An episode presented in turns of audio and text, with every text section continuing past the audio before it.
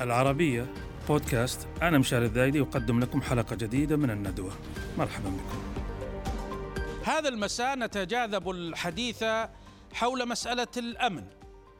وعلاقة هذه المسألة بشعيرة أو فريضة الحج وأيضا الزيارة للمدينة النبوية المشرفة عبر العصور.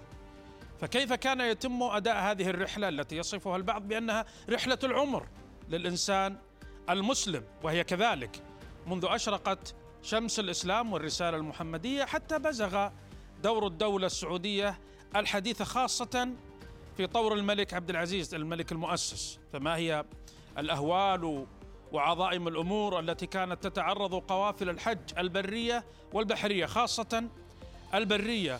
ثم نقول بشكل أوسع ما هي حكاية الأمن والأمان؟ هو أكسجين الحياة في الجزيرة العربية آه، الحياة الاجتماعية والاقتصادية. هذا هو موضوع آه، جلستنا أو صالوننا اليوم وشريكه آه، وضيفه آه، ومتحدثه الباحث السعودي الأستاذ محمد بن عبد الله آل الشيخ. حياك الله شيخ محمد. حياك الله أستاذ مشاري ومساك الله بالخير ومساك الله يسلمك. آه الأمن آه أستاذ محمد آه هو قوام الحياة. لا تقوم أي حياة بالمعنى الاقتصادي وبالمعنى السياسي وحتى بالمعنى الطبيعي انتقال من حارة إلى حارة إلا ب- بالأمن. فكأن الأمن يماثل الأكسجين أو الهواء الذي يتنفسه الإنسان. نعم. فكيف كانت مسألة الأمن في الجزيرة العربية التي هي مقصد للحجاج والزوار وأيضا آه، طرق التجارة سابقا؟ لا يخفاكم إنه ال- الحج منذ أن فرض الله الحج. والحج أيام العرب في جاهليتهم كان كانت أيام الحج آه، أي- وشهور الحج آه، الشهور أو الشهور الحرم آه، كانوا يعظمون البيت ويعظمون والعرب توقف والحروب التي تكون بينهم وبين أعدائهم. يلقى الرجل قاتل أخيه وقاتل أبيه في الحرم ومع ذلك آه، يعرض عنه. كل ذلك تعظيما لشأن البيت وتعظيما حتى لقريش كانوا يعتبرونهم أو يسمونهم قالوا أهل الله عز وجل وجيران الله عز وجل. استمر الحال حتى جاء الإسلام. وأشرقت شمس الرسالة وحج النبي صلى الله عليه وسلم حجته الوحيدة وجاء من بعده الخلفاء الراشدون. الإسلام والتشريع الإسلامي شرط لل- لل- لل- للشعيرة الأمن أو استطاع إليه سبيلا. صحيح. الاستطاعة هذه يدخل ضمنها أمن الطريق. ولذلك بعد ذهاب عصر النبي صلى الله عليه وسلم وعصر التنزيل والوحي وذهاب عصر الخلفاء الراشدين معاوية رضي الله تعالى عنه آه، إلى الع- العهد العباسي آه، ما ليس هناك إشكالية. الأمن مستقر ومستتب. بعد ذلك بدأت الفوضى. يعني حتى جاء الله بالدولة السعودية الأولى أيام الإمام سعود الكبير وبعد ذلك جاء تريد القول شيخ محمد أنه حتى خلينا نقول الثلث أو الربع الأول من الدولة العباسية الأمور لا إي- بها؟ إي نعم ومنذ ذلك الوقت حتى آه، الدور السعودي كان الوضع سيء بالنسبة صحيح. لطرق صحيح. الحج يعني. بعض الناس أستاذ مشاري قد يعتقد إن الفوضى في الحج آه، أمر الحج أو أمر الطرق ما جاء إلا متأخر بالعكس هو جاء بعد يعني في إلى يمكن قبيل 200 على رأس ال 200 حدثت أحداث كانت آه، يعني 200 هجري هجرية 199 بدأت ال 230 بدأ يعني مذكور في كتب التواريخ نعم. والأحداث اللي وقعت وأعاقت ما. نوعية هذه الأحداث مثلا يعني لو مثل- نذكر مثال سريع لو أحببنا. مثلا التعريف هنا يتكلم مثلا آه، الشيخ عبد الله محمد الغازي المكي الحنفي طبعا. نعم. مولود 1290 1365 متوفى مما يعني أنه عاش فترة طويلة من عمره قبل الدولة السعودية وكان معاصرا لها وهو مؤرخ ثقه مطلع واسع على تاريخ مكة. في جميع العصور ذكر في المجلد الثاني صفحة 464 الفصل الثالث في ذكر الفتن التي وقعت بمكة المكرمة وذكر المكوس والعشور التي كانت تؤخذ بجدة ومكة من الحجاج والتجار والكتاب هذا تلخيص لكتب سابقة. نعم. وذكر السباعي مثلا في تاريخ مكة الجزء الأول صفحة 169 وفي سنة 230 أغارت بنو سليم على بعض مدن الحجاز. وعاثوا فيها فسادا ونهبوا الأسواق وامتد أذاهم على كثير من الناس وقطع الطريق وأوقعوا بالجند والي المدينة. وفي سنة 69 و200 كانت وقعة بين عج بن حاج وهو أمير الترك وبين الأجناد بمنى وآصف وأصاب الحجاج في عودهم عطش شديد. في منى المعركة حصلت في منى. المعارك هذه تحدث في الحرم الشريف وتحدث في المشاعر المقدسة. تقع كثير يعني. نعم. ليست ليست قال حادثة واحدة تستطيع تقول هذه الحادثة فقط يعني فردية واستثنائية بل أصبحت ربما تكون الغالب الأعم. واستمر الأمر على هذا الحال؟ واستمر الأمر على هذا الحال. يعني مثلا هنا يتكلم يقول آآ آآ وفي سنة 56 سار بنو سليم ونهبوا الحجاج المصريين الذين يلوذون بهم وقتلوا أميرهم وفي سنة 55 و300 قطعت بنو سليم على الحجيج من مصر وأخذوا منهم عشرين ألف بعير بأحمالها وما عليها من الأموال والأمتعة ما لا يقوم كثرة وقي الحاج في البوادي فهلك أكثرهم كذلك. في محاضرة ذكر السيوطي يعني. وحتى بعد هذه العصور وحتى بعد هذه نجد العصور. في القرن التاسع والثامن نعم نعم. غزوات أو صدامات أحيانا يا بين آه، ولاة مكة صحيح. من الأشراف فيما بينهم فيما بينهم مع أمير الترك. أو مع الأعراب أو مع الأعراب. الذين يكونوا على طريق يعني الحج استقرار وأمن كما نراه اليوم وننعم فيه اليوم لا يمكن أن يكون هناك وجه مقارن. آه، ما الذي حدثتني قبل الحديث قبل التسجيل عن آه، الرحالة بن جبير؟ بن جبير. له كلام قاسي جدا على على الموضوع هذا. طبعا بن جبير توفي 614 والرحلة كانت سنة 578 وهو من علماء الأندلس. نعم. يعني كلام بن جبير ليس كلام رجل عامي أو جاهل. نعم. رجل يدرك مرامي ما الذي قاله؟ آه ولو بشكل موجز. ذكر بن جبير آه هنا تكلم قال في وأكثر هذه الجهات الحجازية وسواها فرق وشيع لا دين لهم وقد تفرق طبعا نقول كلام بن جبير. طبعا العهد على على أنا مجرد ناقل وربما هو ناقم يعني وغاضب صحيح يعني قد تكون عبارته ألفاظ. نعم. قد قد تفرقوا على مذاهب شتى وهم يعتقدون في الحاج ما هذا اللي يهمنا نعم. في الحاج ما لا يعتقد في أهل الذمة. قد صيروه من أعظم غلاتهم التي يستغلونها ينتهبونهم انتهابا ويسببون لإستجلاب ما بأيديهم استجلابا فالحاج معهم لا يزال في غرامة ومؤونة إلى أن ييسر الله رجوعه لوطنه. وذكر أيضا في الجزء نفسه طبعا في الرحلات المختار من الرحلات. نعم. فأحق بلاد الله بأن يطهرها السيف ويغسل أرجاسها وأدناسها بالدماء المسفوكة في سبيل الله هذه البلاد لما هم عليه من حل عور الإسلام واستحلال أموال الحاج ودمائهم. فمن يعتقد من فقهاء الأندلس إسقاط هذه الفريضة عنهم فاعتقاده صحيح لهذا السبب وبما يصنع بالحج إسقاط فريضة الحج. إيه؟ لهذا السبب. لهذا عن عن حاج الأندلس. إيه والله قد أوجد الرخصة فيه على غير هذا الحال. طبعا قبلها قال آه،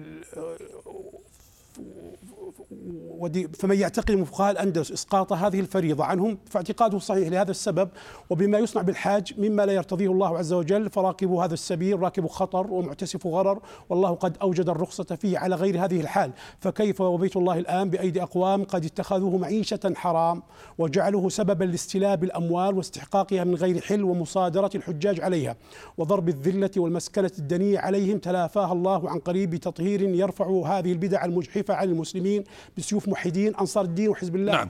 طيب شيخ آه، محمد الآن من ألقاب حينما استولت الدولة العثمانية على البلاد العربية ومنها مصر وبالتالي الحجاز حينما دخل السلطان سليم إلى مصر تبعته الحجاز بشكل مباشر يعني. ثم تلقب بلقب خادم الحرمين الذي كان أحد الألقاب التشريفية الكثيرة خاقان البرين والبحرين والشاه الأعظم والى آخره. هل هذا اللقب لقب خادم الحرمين الذي يعني العناية بأمور الحج والمكة والمدينة انعكس في أداء الدولة العثمانية بعيدا عن الجانب العمراني. يعني إحنا نشوف يمكن بقايا عمر قصد أداء الحج بشكل عام مفرداته يعني. هذا مما يشاع وينتشر عند الناس لكن حقيقة قضية الأمن فرضها العثمانيون التاريخ يحدثنا أن هذا لم يحدث نهائيا. حتى قبيل دخول الملك عبد العزيز رحمة الله تعالى عليه الحجاز آه، في اللواء إبراهيم رفعت. نعم. زار مكة وأورد في كتاب مرآة الحرمين. يعني مثلا هنا كتب عريضة مفتوحة لجلالة سيدنا مولانا الخليفة طبعا السلطان يقول على الضجيج يا أمير المؤمنين وخليفة رسول رب العالمين فملأ الآفاق من حجاج بيت الله الحرام ومن الذين يتالمون لهم من المسلمين وغير المسلمين من أهل الشفقة والرحمة. يا إمام الهدى وظهير الحق إن الأيدي الطاهرة التي بسطها الحجاج إلى السماء في بيت الله حول الكعبة للدعاء بنصرك قد قطعها الأعراب.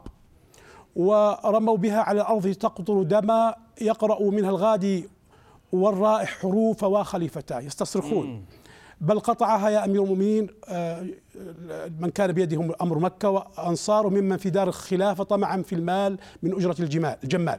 يا أمير المؤمنين قد حار الناس وجدير بهم أن يحاروا لأنهم يعدون أمير المؤمنين خامس الخلفاء الراشدين تقا وإيمانا ويعتقدوا أنه خبير بما في الشرق والغرب ويعلم يعني كلام لكنهم يتكلمون.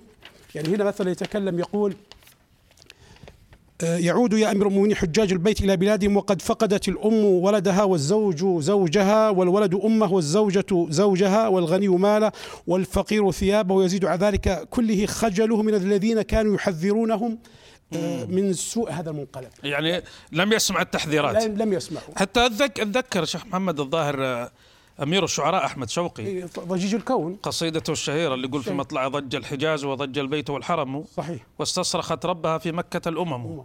يعني هذا ترجمان أو شاهد أو وثيقة مادية بالإضافة ل علم أحمد شوقي ما حج لكنه كان ينقل إليه. ينقل إليه. الحقيقة أن هذا موضوع يعني محزن. كان الصور حقيقة قاتمة السواد عن انعدام الحج انعدام الأمن في طرق الحج وطرق المدينة وكيف كانت الأمور آه، أشبه بمغامرة الداخل إليها آه، مفقود والعائد منها مولود ولدرجة أن بعض علماء الأندلس أفتوا بإسقاط فريضة الحج بسبب انعدام آه، الأمن. ولعلنا نكمل في في في هذا المسار الحزين والكئيب. شيخ محمد. طبعا ابن جبير عبارته قد يستغرب الإنسان قسوتها وتصويرها يعني العنيف لكن اكرم حسن علبي العبلي آه، لكتاب دمشق بين عصر المماليك والعثمانيين. ذكر فيه وفي سنة 906 كثرت تعديات البدو على الحجاج المسافرين والتجار وقطعوا الطريق حتى نودي في دمشق بالجهاد ضدهم مم. يعني في قضية هؤلاء المتعدون الذين بثوا الرعب والخوف وقتلوا وانتهكوا القوافل كانوا يدركون بس شيخ محمد حتى لا نحصر الأمر الناس قد يتصور إنه بالأعراب أو قبائل البادية القبائل العربية الكريمة هو حالة كانت موجودة يتواطأ فيها حتى الولاة. صحيح صحيح. يعني ولاة آه، قادة حملات الحج من دمشق ومن القاهرة وبعض الولاة العثمانيين وبعض ولاة مكة والمدينة أيضا كانوا صحيح. آه ضالعين صحيح. في في في هذا الأمر ليس فقط القبائل البادية يعني لا لا هو لا لا المسؤولية كانت جماعية نعم يعني لما لما حينما يكون الحاكم ضعيف أو سلطته غير قوية الأمور فوضى الحكم تنتشر وتلقي بظلالها على الحكم نفسه أو البلد نفسه التي ولذلك إحنا سألنا تذكر آه، قبل الفاصل أنه السلطان سليم حينما تلقب بهذا اللقب طيب هل انعكس هذا بالمناسبة هل حجوا السلاطين العثمانيين؟ لا طبعا بعد هارون الرشيد رحمة الله عليه لم يحج من من خلفاء المسلمين أي خليفة. ولا سلطان. ولا سلطان. بعد هارون الرشيد آخر من حج من من الخلفاء والسلاطين هو هارون الرشيد الاتراك والعثمانيين كانوا يرفضون يقولون إن مشاغل المسلمين تمنعهم وأظن كان في قانون عندهم. حتى أحد السلاطين أراد أن يحج فقتله الجند. أيوه. يعني هذه هذه هذه الحادثة بحد ذاتها معبرة.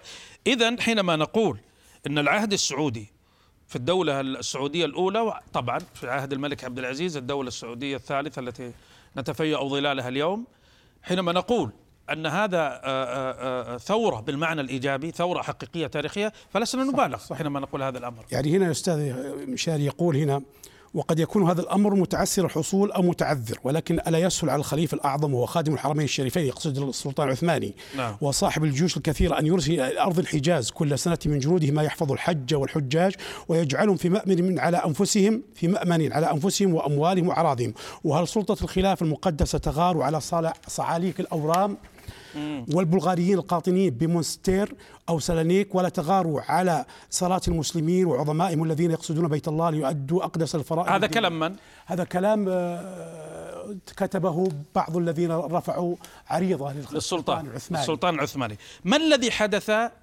حينما ضم الإمام سعود بن عبد العزيز أحد أئمة الدولة السعودية الأولى الملقب بسعود الكبير أو سعود العظيم أو سعود سعود يعني ألمع سلاطين الدولة آه، السعودية الأولى وأئمتها. طبعا, طبعا آه، هو الذي باشر ضم الحجاز إلى الدولة السعودية. ماذا فعل الإمام سعود حينما ضم الحجاز؟ طبعا الإمام سعود رحمة الله عليه دخل آل سعود الحجاز آه، دخل في ولايتهم عام 1218 هجرية. نعم. طبعا بمجرد دخول الإمام سعود الكبير رحمة الله عليه مغفرة رضوانه تغير الحال. وشهد بذلك الجبرتي. صاحب المؤرخ المصري نعم. الآثار. فذكر الحال التي كان عليها. فذكر هنا مثلا آه، يقول هنا آه، طبعا يقول وكانوا خرج فلم يسع الشريف إلا مسالمتهم والدخول في طاعتهم وسلوك طريقتهم.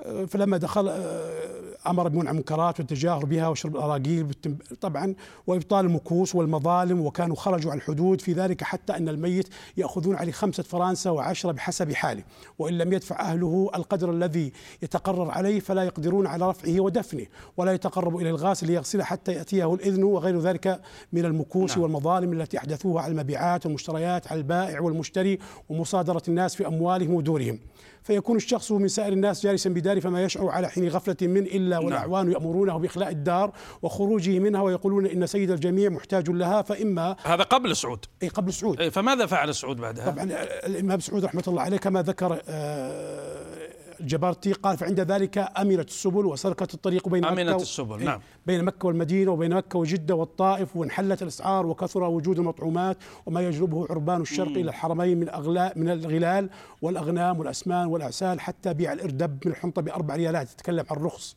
نعم. لو انت شرط النقطة مهمة أيضا رغم قصر فترة الدولة السعودية الأولى. إي نعم. أنت تعرف بعدها صارت الغزوات العثمانية المصرية بمحمد علي باشا ثم انتهت الدولة السعودية لل- للأسف 1818 ميلادي يتكلم رغم قصر فترة الدولة السعودية في في في في, إدارة أمور الحجاز الإمام السعود باشر الحج كم مرة؟ حج تسع مرات رحمة الله عليه مغفرة ويحج يعني كل موسم. كل موسم. ويدير شؤون ال- الحج بنفسه. بنفسه بنفسه. ولذلك لما تولى الإمام آه، سعود الكبير ودخلت الحجاز ضمن ولاية آل سعود في العصر الأول الدور الطور الأول للدولة السعودية تسامع الناس ووصلت أخبار الأوضاع الجديدة التي تغيرت في الحجاز قاطبة وحتى ان سلاطين المغرب رحمة الله السلطان سليم آه، سليمان عفوا سليمان بن محمد بن عبد الله أرسل نجله إبراهيم وصارت مكاتبات بين الإمام سعود الكبير وبين السلطان.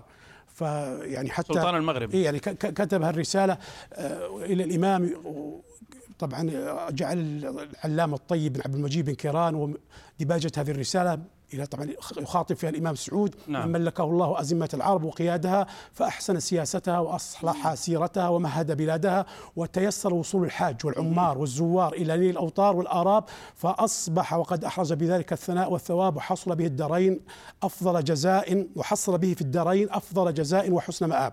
ثم عقب بالثناء على شخصية الأمير. طبعا في بق... لاحظ شيخ إنه هذا أقصى بلاد المسلمين في المغرب في مراكش يعني المغرب. هناك. ولمسوا مباشرة الأثر المباشر للإدارة السعودية لموضوع الحج رغم قصر المدة. صحيح. ولذلك لما عاد الركب للمغرب لا- ما منع الحج إلا من جاء بوضع مختلف عما كان يطالبون فيه. أحيانا بالسلاح. أنا اللي فهمت يعني صحيح. السبب المباشر صححني. لمنع بعض الحملات أن بعض الحملات تأتي رفقة جيش عسكري. يأمن. فكان الإمام السعود يعتقد أن هذا الأمر فيه آه، إخلال بالأمن وربما تواطؤ مع بعض السلطات المحلية. صحيح. ولذلك أرسل قصيدة طبعا أنشأها حمدون الحاج وهو من علماء المغرب على لسان السلطان آه، سليمان بن محمد بن عبد الله العلوي. طبعا يقول لا شيء يمنع من حج ومعتمر وزورة تكمل المأمول من حرم إذ عاد درب الحجاز اليوم سالكه أهنى وآمن من حمامة الحرم. يا سلام. قد لاح فيه السعود ماحيا بدعا قد أحدثتها ملوك العرب والعجم. سعود بعد سلام الله شاعك من غرب يسير لشرق ضائع النسم.